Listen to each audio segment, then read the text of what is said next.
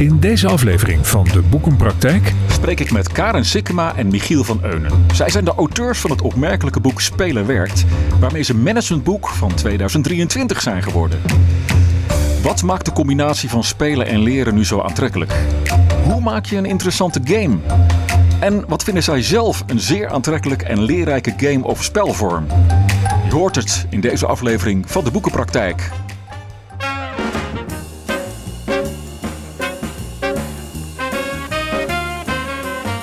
Welkom bij de Boekenpraktijk, de podcast van Management Boek.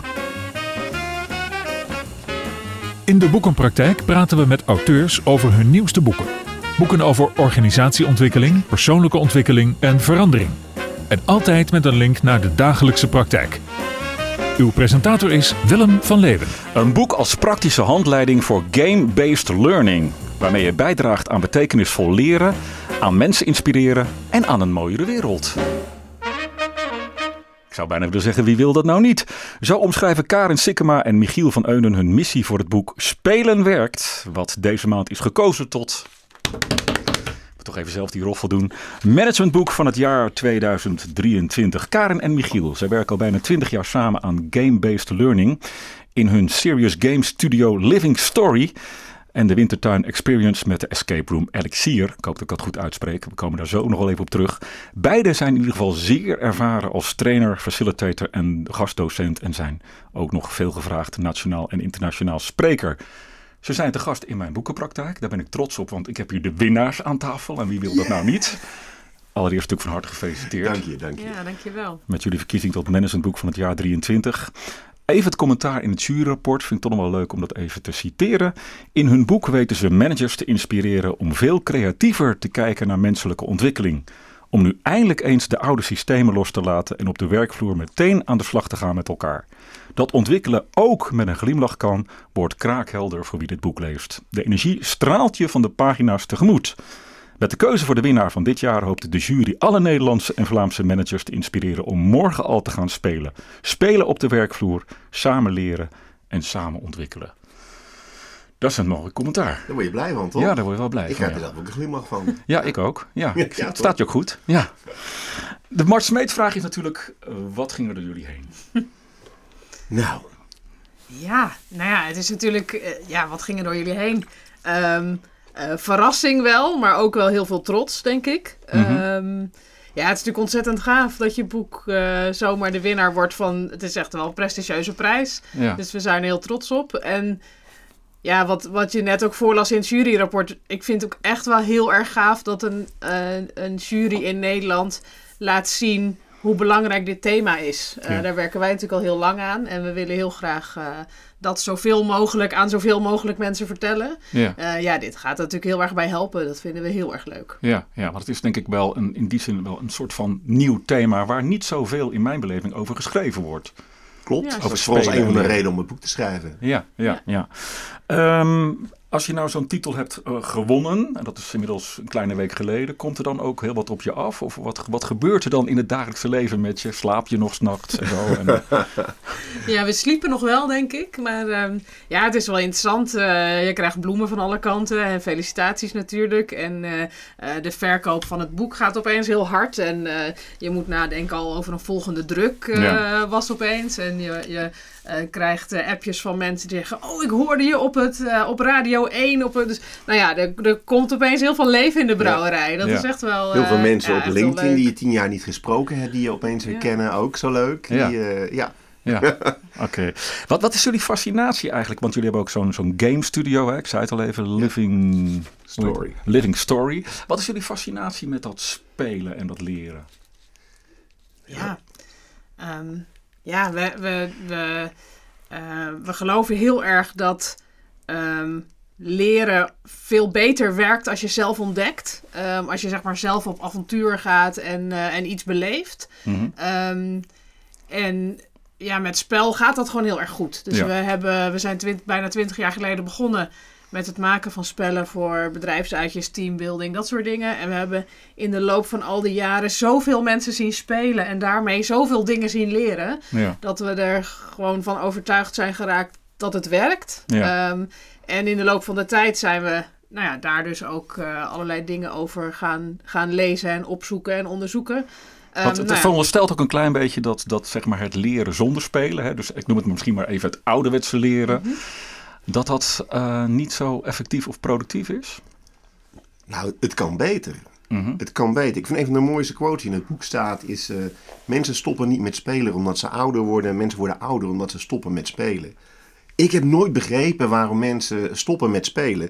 En dit is ook eigenlijk niet zo. Maar op een gegeven moment na, na een opleiding eh, krijgen mensen een baan. En op een gegeven moment worden ze serieus en serieuzer. En op een gegeven moment terminaal serieus.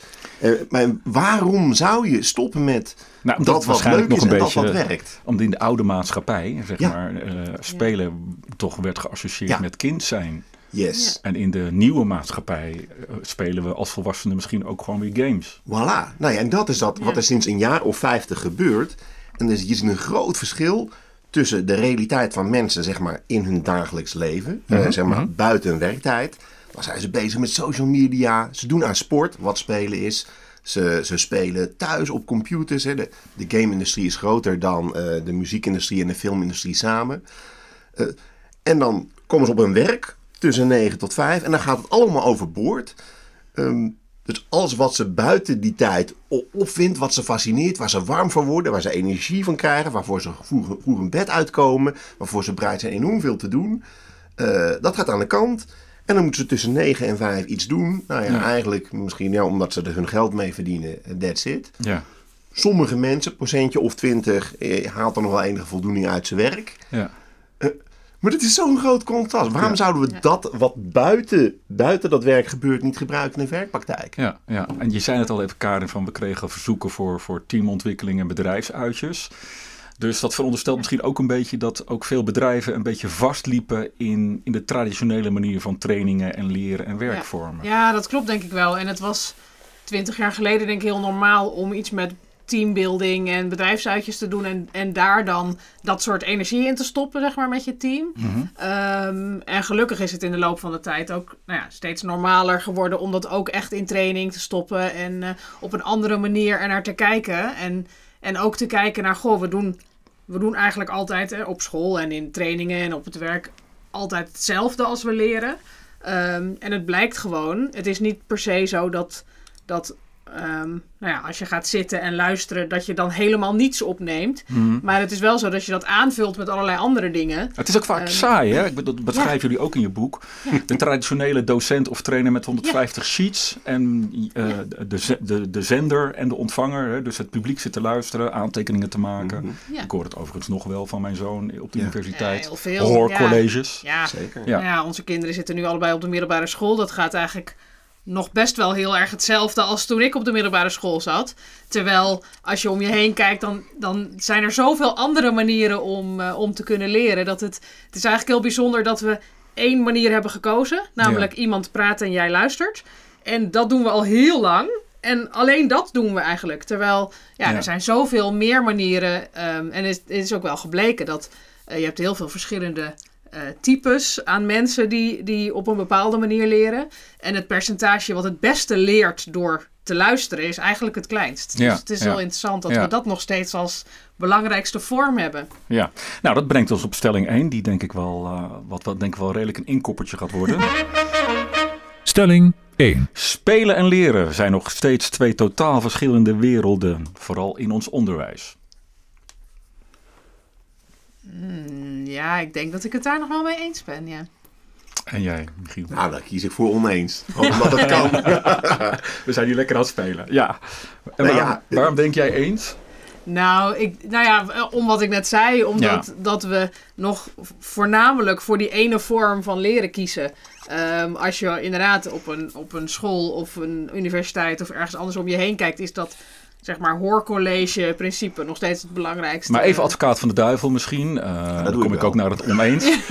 Ehm, ja, eh, je kunt ook stellen, ja, maar er moet gewoon kennis overgedragen worden. En dat is wel wat lastiger in een spel. Ja, maar dat is niet zo. Dat is helemaal niet waar. Oh, ja, sorry, waar. nee, dit was jouw tekst. Ja, precies. Nee, nu moet je wel bij je stelling houden. Moeilijk. Is dat zo? Kun je, kun je zeg maar die, die, die, die, die traditionele vakken die we gewoon allemaal leren eh, op de middelbare en, en, en op het hogere onder, in het hoger onderwijs, kunnen we dat ook gewoon in spel, zouden we dat ook in spelvorm net zo één op één en 100% waterdicht kunnen doen? Ja, zeker. Ja, ja. Doen Ja. jullie dat trouwens ook al? Hebben jullie ook al spelvormen voor in het onderwijs? Ja, ook wel. Ja. Ja, Oké. dus we hebben een Heb aantal... je een voorbeeld? Ja, we zijn, nou, we zijn nu een spel aan het maken voor een praktijkschool. Ehm, die gaat over eh, loopbaanoriëntatie en, en ontdekken waar je talenten liggen. Mhm. Ehm, eh, maar we hebben ook wel spellen gemaakt die eh, gaan over geschiedenis. Ja. Ehm, Waarbij je zelfs lopend door de stad Oh ja. nou ja, leert over de geschiedenis van die plek. ja. En nou, dat is denk ik nu de eerste spellen die we maakten zijn nu twaalf jaar Maar geleden. bijvoorbeeld wiskunde. Ja, dan zou je misschien allerlei reken... Ja, jij bent Ja. de creator hier. eh, Ja, wiskunde. ja, nee, ja, nee, maar dan ga ik met je meepraten en niet meer mijn stellingen verdedigen. Want ik ben het hier natuurlijk enorm met Karen eens. Ja, Eh, kijk, wat beheersbaar is en, wa- en wat... eh, waar in, in, in bulk kan je natuurlijk doen. Hier heb je een heel blad vol rijtjes met sommen gaan maar maken. En dat krijgen mijn, eh, mijn kinderen nog Ja. steeds. Hè? Vandaag hoofdstuk 4, ga al die sommen maar maken. Ja. Dan kun je heel veel sommen tegelijkertijd instoppen. En dat zou een soort van efficiency kunnen zijn. ja. Maar je kunt diezelfde eh, sommen ook verstoppen in, Hm. eh, in spellen. Wij, wij zijn vroeger opgegroeid. Nou, in de middelbare school kregen we een beetje verhaaltjesommen, wiskunde aan. Nou, die deed het al een beetje. Hè? Wiskundesommen verpakken in een verhaal. Maar dat, Ja. dat kun je nog veel verder eh, Ja. trekken. Sta- Staan we daarin nog echt aan het begin dan? Want jij, jij gaf overigens aan oneens, dus we zijn al heel ver hierin. Nee, nee, nee. Die er loop is je nog- toch een beetje vast, Er hè? is hier enorm veel te doen, maar je stelling was of dat het in het onderwijs zo uit elkaar lag. Ja. Eh, het, nou, het bestaat in het onderwijs heel veel naast elkaar. Hè. In, de, in de kleuterklassen doen we dat nog wel, maar je ziet dat naarmate eh, leerlingen ouder worden, dat we dat op andere manieren gaan doen. En we heel veel van dat spelen loslaten, omdat we daar de waarde niet van herkennen. Of omdat het best, het is natuurlijk wel veel werk om van alles maar een spel te maken. Ik zeg niet dat we van alles een spel moeten maken. Nee. Maar, maar ook niet alles hoeft uit een, eh, uit een boekje of klassikaal. Nee, en ik ben het er wel mee eens. Kijk, je, het, het is niet zo dat we alleen nog maar klassikaal doen. Hè. Je ziet natuurlijk ehm, echt wel heel erg een verschuiving. Wij hebben ook in onze trainingen heel veel docenten en trainers die zeggen: joh, ik, het lijkt mij nou zo leuk om het een keer op een andere manier te doen. Mhm. Ehm, en ja, dat, dat zie je echt wel steeds meer. Ja. Dus ehm, ja, ik denk dat dat een heel goed teken is. Ja, nou zei jij van het is ook best wel veel werk om een goed spel te maken. Daar is het boek denk ik ook juist op gericht. Hè? Centraal staat het model, even denken, het Game-Based Learning Design Wheel. Zo. Is een mooi sc- eh, Scrabble-woord. ja. Ehm, wat is dat precies voor een tool? Ja, het is onze eigen design tool. Ehm, wij maken eh, veel spellen in opdracht. Ehm, wij observeren al twintig jaar groepen. En eh, sinds een aantal jaren zijn we dat gaan combineren met, met de wetenschappelijke onderbouwing daarvoor. Waarom werkt dit eigenlijk? Ja, En daarna hebben we gekeken naar, naar leerstrategieën, naar wat er bekend is over leren ja. en de efficiëntie van leren door middel van games. En daar hebben wij een tool van gebouwd die wij min of meer stapsgewijs gebruiken als we komen van een leervraag tot en met een spel en uiteindelijk transfer. ja, dus eigenlijk als je eh, ehm, dit boek gaat lezen, is het eigenlijk een, een soort van werkboek in die zin. Dat je eigenlijk, Idealiter wel, ja. toch? Dat je leert als lezer om een spel Ja, heel gericht zeker. op leren te ontwerpen. Ja. Ja, je kan er echt wel zelf mee aan de slag. Het zijn best heldere stappen die je neemt. Mhm. Ehm, je begint echt met kijken wat zijn de leerdoelen, wat wil ik graag dat mensen leren als ze dit spel hebben, hebben eh, gespeeld. Ehm, ja, en dan, dan neemt het je langs stappen mee als motivatie. Maar hoe wordt het ook leuk? Eh, Ja. Hoe zitten mijn spelers in elkaar? Ehm, zodat je echt ook iets kan maken wat die speler motiveert om ermee aan de slag te gaan. Ja. Ehm, en dan de laatste, nee, en, en dan hebben we een aantal game design stappen. En de laatste stap is, nou wat Michiel al zei, de transfer. Zodat je ook echt kijkt van, oh ja, wat ik, wat ik geleerd heb in het spel moet je ook kunnen toepassen Ja, dat in de echte praktijk. Want anders hebben we het voor niks Ja, gedaan. dus daar dat komen is een van de belangrijkste stappen. veronderstelt wel dat je je publiek goed kent, volgens mij. Dat je goed weet van wie, Ja. wie, wie zou potentieel dit spel willen spelen. Zeker. Ehm, is het zo dat we allemaal als volwassenen nog steeds wel graag spelletjes doen dan? Ik, kan ook, ik ken ook mensen die zeggen, oh, we gaan toch niet weer een spel doen hè, op oudejaarsavond. Ja, daar ken ik er ook best wel veel van. Maar ja, we, het, het- we, we denken dat je mensen altijd kunt motiveren om eh, te leren. Want mensen houden eigenlijk heel erg van leren. Ehm, en ook altijd kunt motiveren om dat op een soort interactieve manier te doen waarbij ze zelf ontdekken. En als je die twee dingen combineert, heb je eigenlijk al een spel. Uh, maar eerlijk is eerlijk, wij maken ook wel spellen voor opdrachtgevers die zeggen: Nou, laten we het in dit bedrijf geen spel noemen, want dan komt er niemand. Maar maak het gewoon en dan gaan we het daarna gewoon lekker doen met z'n allen. Oké. Ja. Ehm, Het mooie is dat je uiteindelijk binnen no time iedereen aan het spelen kunt krijgen. En Ja. Mensen die, die zichzelf zeggen, ik hou niet van spelletjes. Ja, ik vind mensen die niet houden van spelen, die zijn gewoon bang om te verliezen. Ah, oké. dat is ook een mooie stelling, dankjewel. Ja.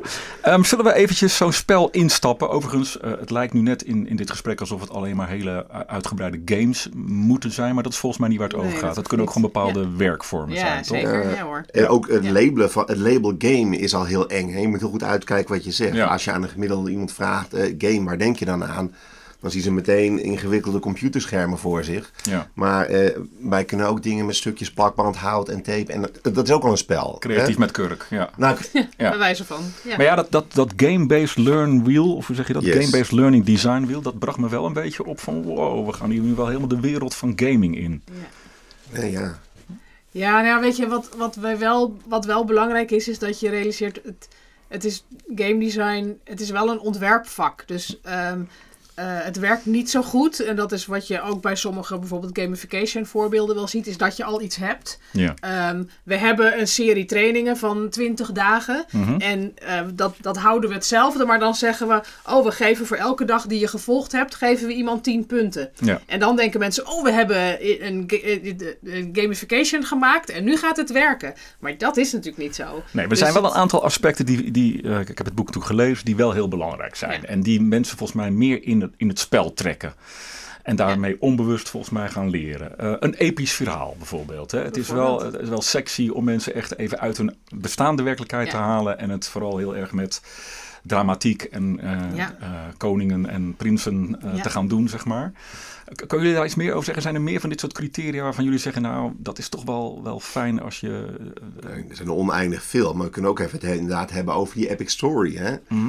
Eh, volgens mij zei Steve, eh, Steve Jobs al: It's sexier to be a pirate than, eh, than be part of the Navy. Ja. Hè, mensen, dus identiteit. het wel- heldendom of zo is dat. Nou ja, en Ja, en mensen houden gewoon van verhalen. Ja, Het, ja. het zit ook een soort hardwired in ons om, om van verhalen te houden en daar graag onderdeel van te zijn. En inderdaad, eh, je onderdeel te voelen van, van iets groters en, en iets wat soort episch en betekenisvol is, zeg maar. Mhm. Dat vinden mensen natuurlijk fijn. Ja. En dat gaat ook, dat, dat ehm, linkt heel erg ook aan motivatie. Mensen houden er heel erg van als ze het gevoel hebben dat ze onderdeel zijn van iets groters. Dat motiveert heel erg. Ja. Ehm, purpose is natuurlijk sowieso belangrijk. En ja. je ziet het natuurlijk in de filmwereld ook. Hè?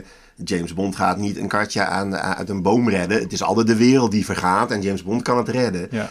En, en dat heldennarratief, dat is de basis van enorm veel eh, eh, films en, eh, en games. En dat is ook waar we van houden. Ja. Het verschil tussen bijvoorbeeld eh, film en een game is dat de hoofdpersoon niet Pierce Brosnan is of een andere James Bond, maar dat je het zelf bent. Ja. Ja. En in een, in een game ben jij zelf altijd de held van het verhaal. Heb jij autonomie en zijn jouw keuzes relevant. Ja. Want jij kunt beslissen of je hier naar links of naar rechts gaat. Ja. Of je die berg opklimt. Of dat je iets doorhakt of iets afschiet. Ja, now we're talking. Je, Eh, jij, jij bent, wordt jij, de held. succes. jij maakt het succes. Precies. Dus dat er aan, vrij aan het begin dat er een duidelijk verhaal is. En dat er een purpose is. En een grote noodzaak.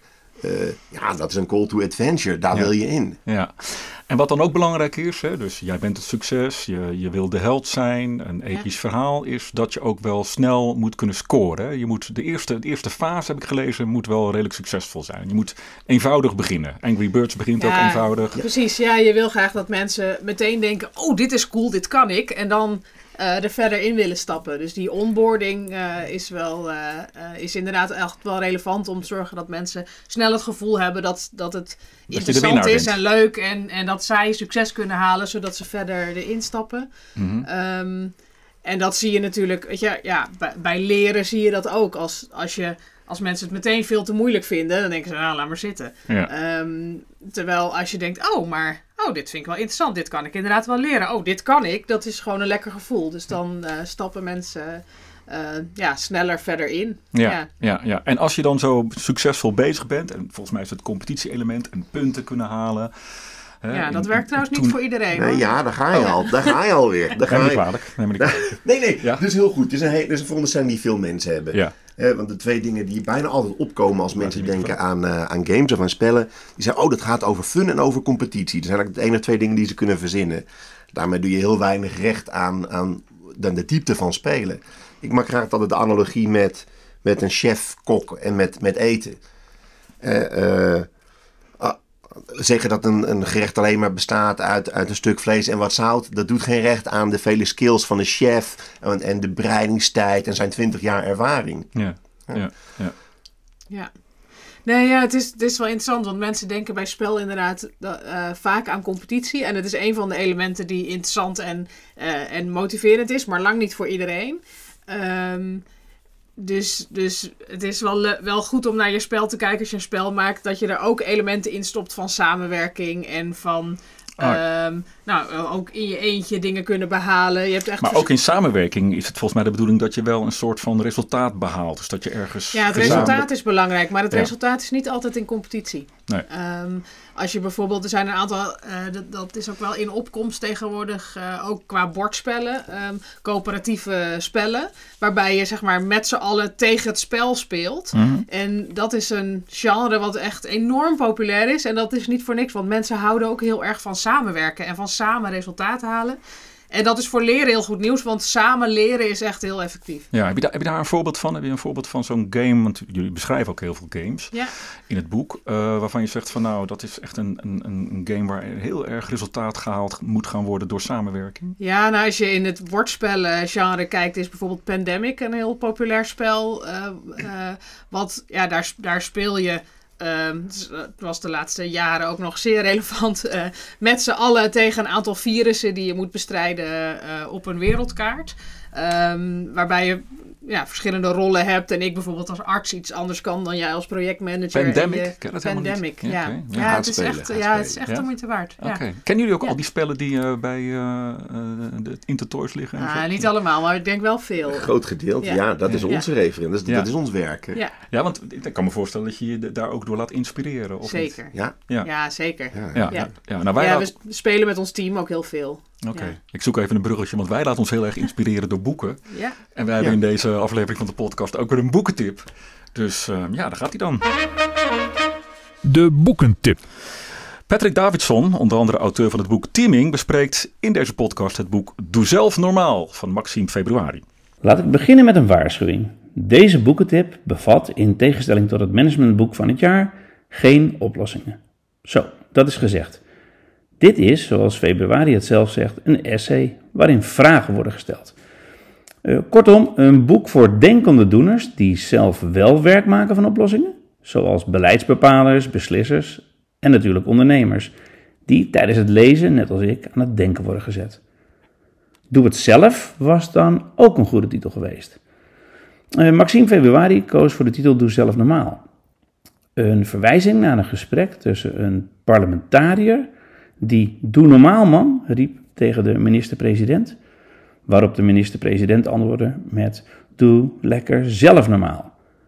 Nou, waar ik dit destijds vooral gênant vond, keek Februari iets verder. Als filosoof dook hij in het begrip normaliteit. Dat is, zo stelt hij, een concept uit de 19e eeuw. Een relatief jong begrip dus. Geholpen door de opkomst van de statistiek heeft het heel veel invloed op ons dagelijks leven. Maar wat is eigenlijk normaal en wie bepaalt wat normaal is? Daarin schuilt de kracht van februari. Hij zet je aan het denken. Normen zijn veranderlijk. Met nieuwe data krijg je immers nieuwe normen, stelt februari. Normen zijn niet altijd inzichtelijk en vrij dwingend. Februari stelt dat bestuurders in deze tijd, waarin we van crisis naar crisis gaan, veel te veel en veel te vaak zoeken naar snelle oplossingen. Daarbij worden volgens Februari de grondrechten van burgers lang niet altijd gewaarborgd.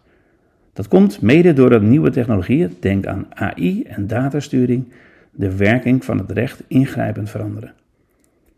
Wie denkt dat het allemaal wel meevalt, raad ik dit boek aan. Of om zelf even ChatGPT uit te proberen om te ontdekken wat voor onzin een algoritme kan produceren anno 2023. Dat die algoritmes en praktische tools snel beter zullen worden, dat is duidelijk. Maar je hoeft alleen dit essay te lezen om te beseffen dat we heel goed moeten nadenken hoe we nieuwe technologieën gaan inzetten.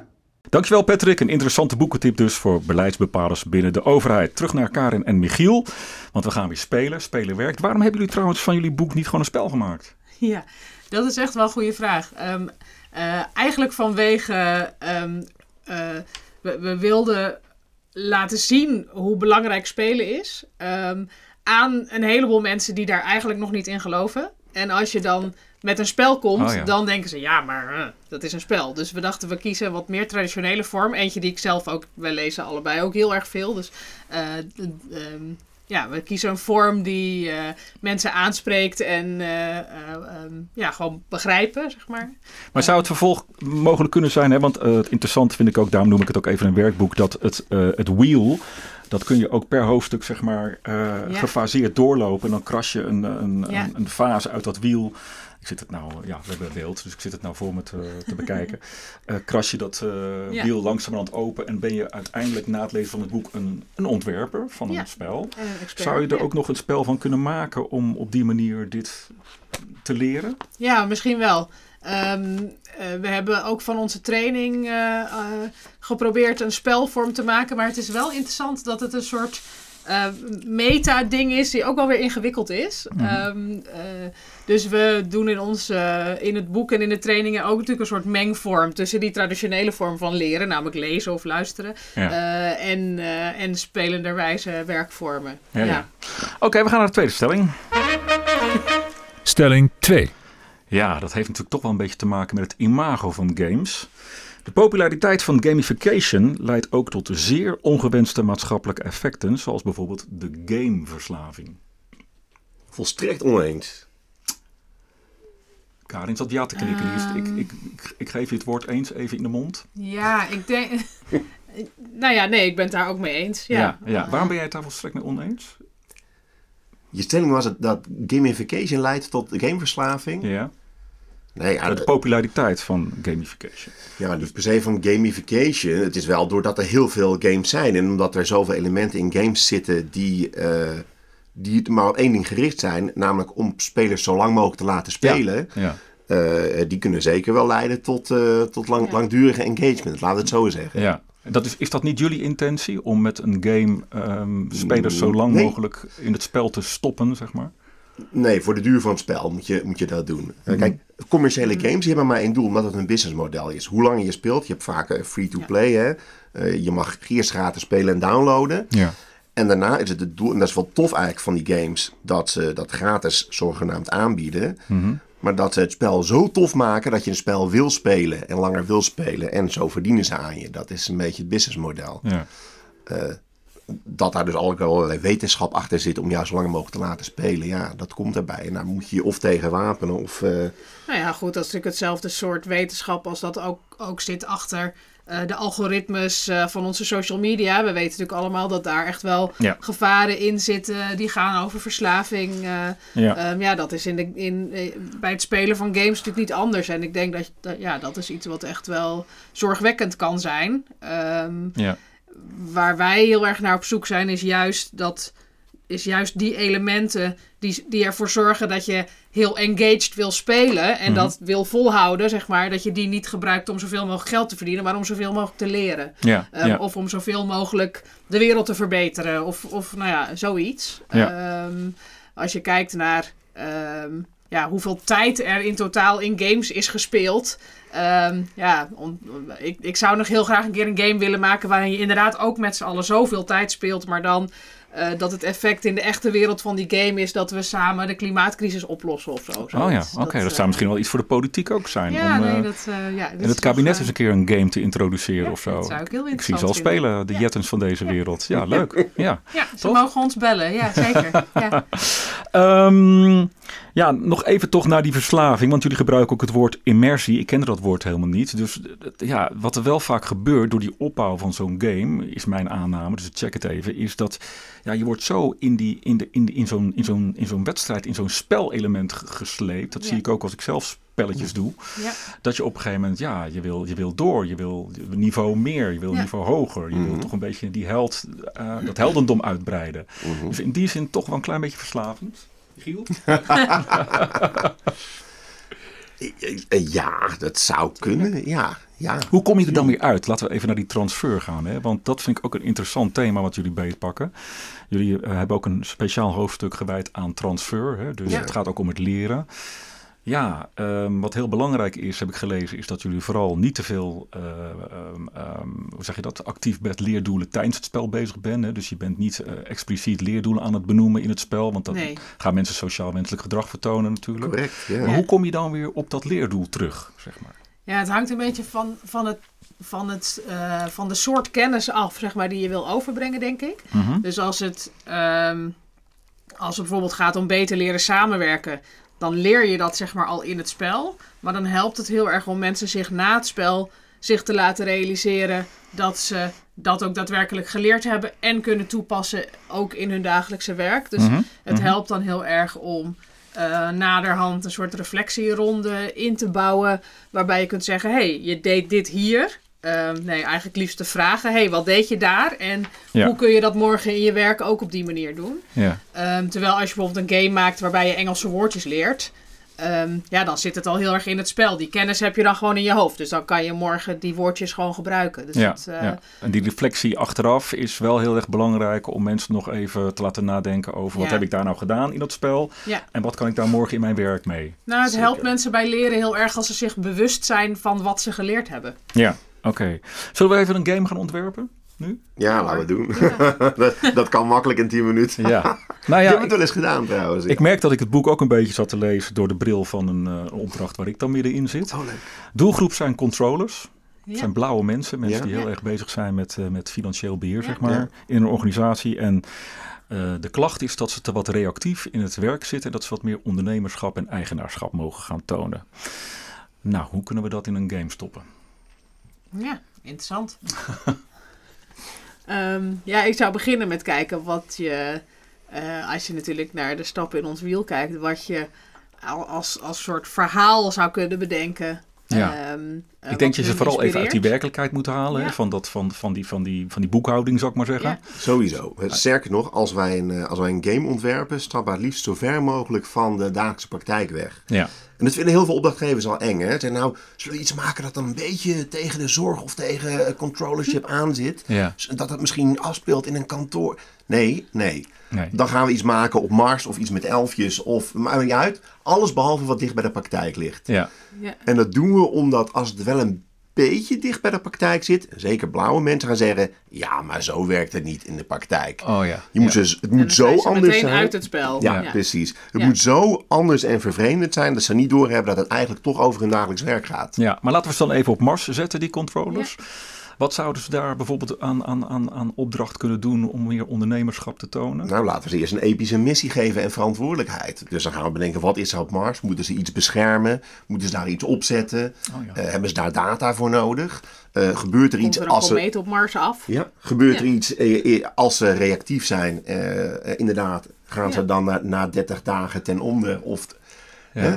Dus dan groeit een, soort, een soort verhaal van, van ownership. En dat ze wel iets proactief moeten doen of onderzoeken. Ja.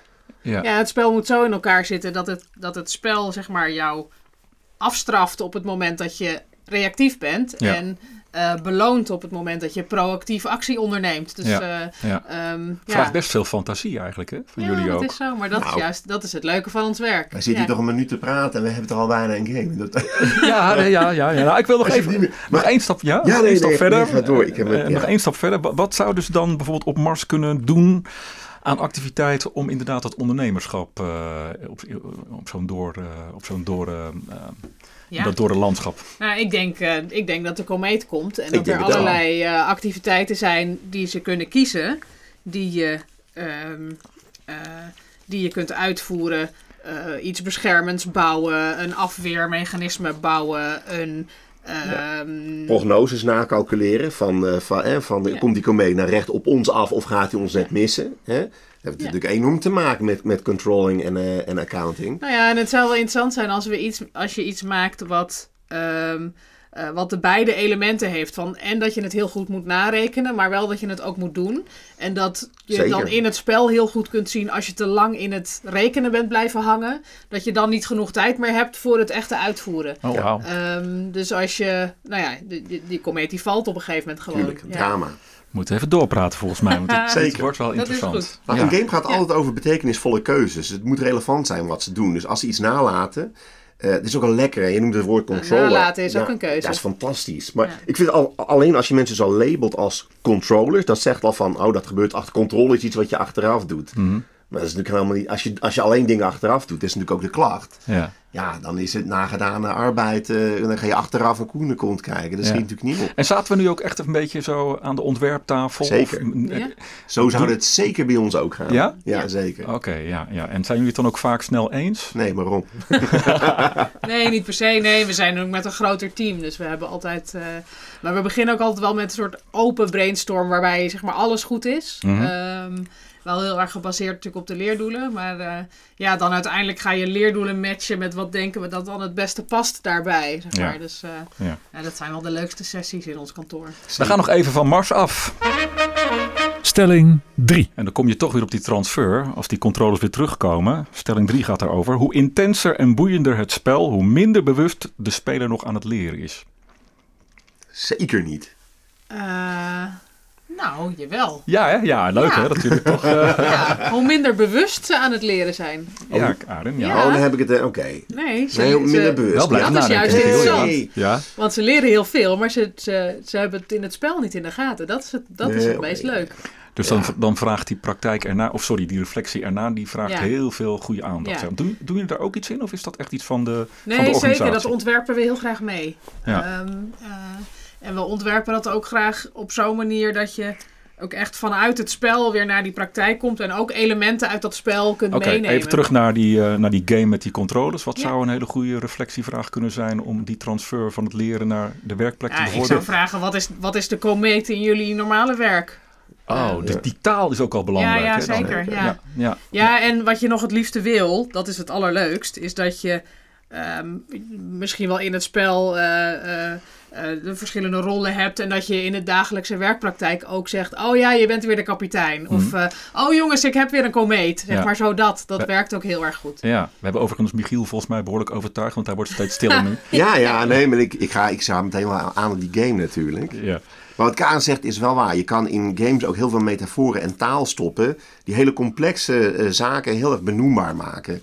En die vervolgens mee kunnen in de organisatie. ja. Omdat je als je met z'n allen, met je team of met je bedrijf een game speelt, heb je een eh, referentiekader. We hebben allemaal op een zeker moment, op een zekere dag deze game gespeeld, deze ervaring gehad. Dus Er zitten soms hele complexe zaken in, maar die kunnen vaak door een woord of een zin, kunnen ze dat eh, helder maken.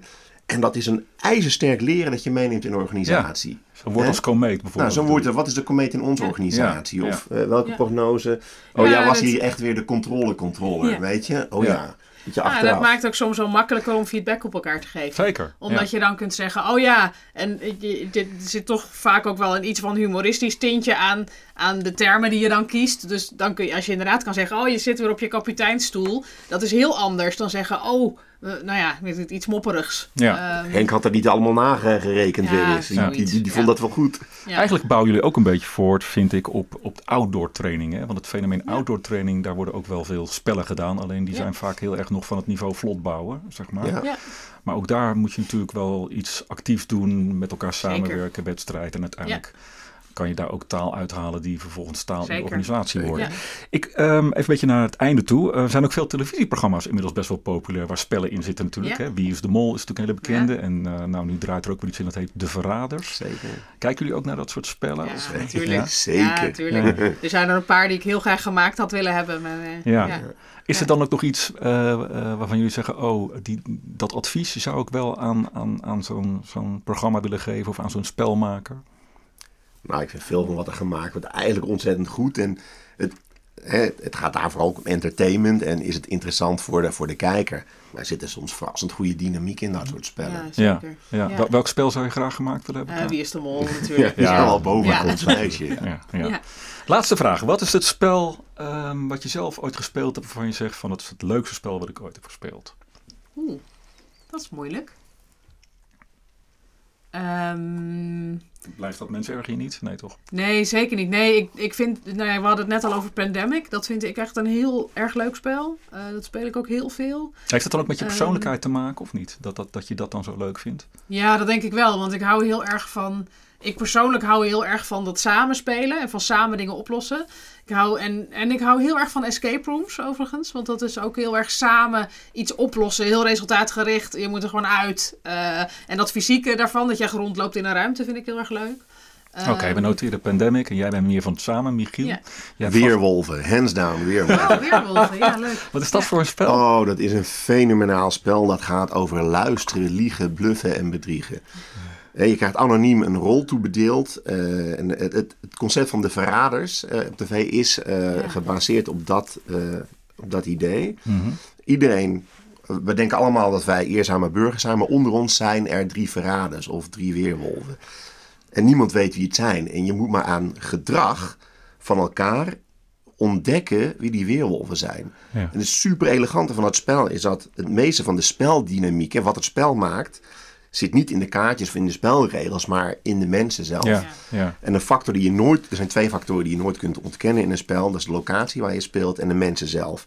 En dit, dit hangt zo op mensen dat je het onbeperkt kunt blijven spelen. Het is een evergreen. Ja, het is ook eh, als kijker volgens mij wel leuk om. eh, het is als speler leuk om dat heldendom te bereiken. Maar het is als kijker misschien ook wel leuk om een beetje die eikeltjes eh, in, in zo'n team te kunnen zien. Hè? Een beetje die verraders, zeg maar. Ja, zeker. Ja, ja, het Ja. is ook wel een heerlijke dynamiek. Ja, alle menselijk gedrag is natuurlijk super interessant. En zeker als we anderen proberen om de tuin te leiden. Ja. Dat is heerlijk. En op dat voor smerige manieren we dat doen. Ja, dat is bij Wie is de Mol natuurlijk ook geweldig om te zien. Dat je, dat je ook als kijker niet weet wie het is. Hm. Eh, en dat probeert te ontdekken en al dit soort dingen probeert uit te vinden. Ja, Ja. Dank jullie wel. Winnaars, terechte winnaars van het managementboek van het jaar 2023. Een ontzettend fascinerend boek vind ik over iets wat nog misschien nog een beetje in de kinderschoenen staat, maar wat mij betreft nog veel meer ontwikkeld mag worden. Dat is spelen en leren combineren in organisaties. En dat doen jullie heel mooi. Dank je wel daarvoor. En ja, het beeld, eh, de onderscheiding, de prijs staat ook keurig hier eh, op tafel en is ook eh, in beeld te bewonderen. Prachtig, dankjewel. Ehm ja, ik verwijs jou als luisteraar van deze podcast heel graag naar de volgende aflevering. Die is over twee weken weer op alle grote podcastkanalen te vinden. En ook daarin spreken we weer met een auteur of meerdere auteurs over hun, ehm, ehm, of haar, hem, haar, her, her, recentelijk opmerkelijk verschenen boek. Misschien nog geen winnaar van het managementboek van het jaar, maar mogelijk wel van 2024. Rest mij je hartelijk te danken voor het beluisteren van deze podcast. Bij vragen, opmerkingen of suggesties mail dat dan SVP naar info.managementboek.nl. Tot zover de praktijk van boeken. Kijk voor meer afleveringen of een abonnement op de boekenpraktijk op managementboek.nl/slash podcast. Je vindt ons ook op Spotify, Apple Podcast, Google Podcast en Podimo. Hartelijk dank voor het luisteren en graag tot de volgende podcast.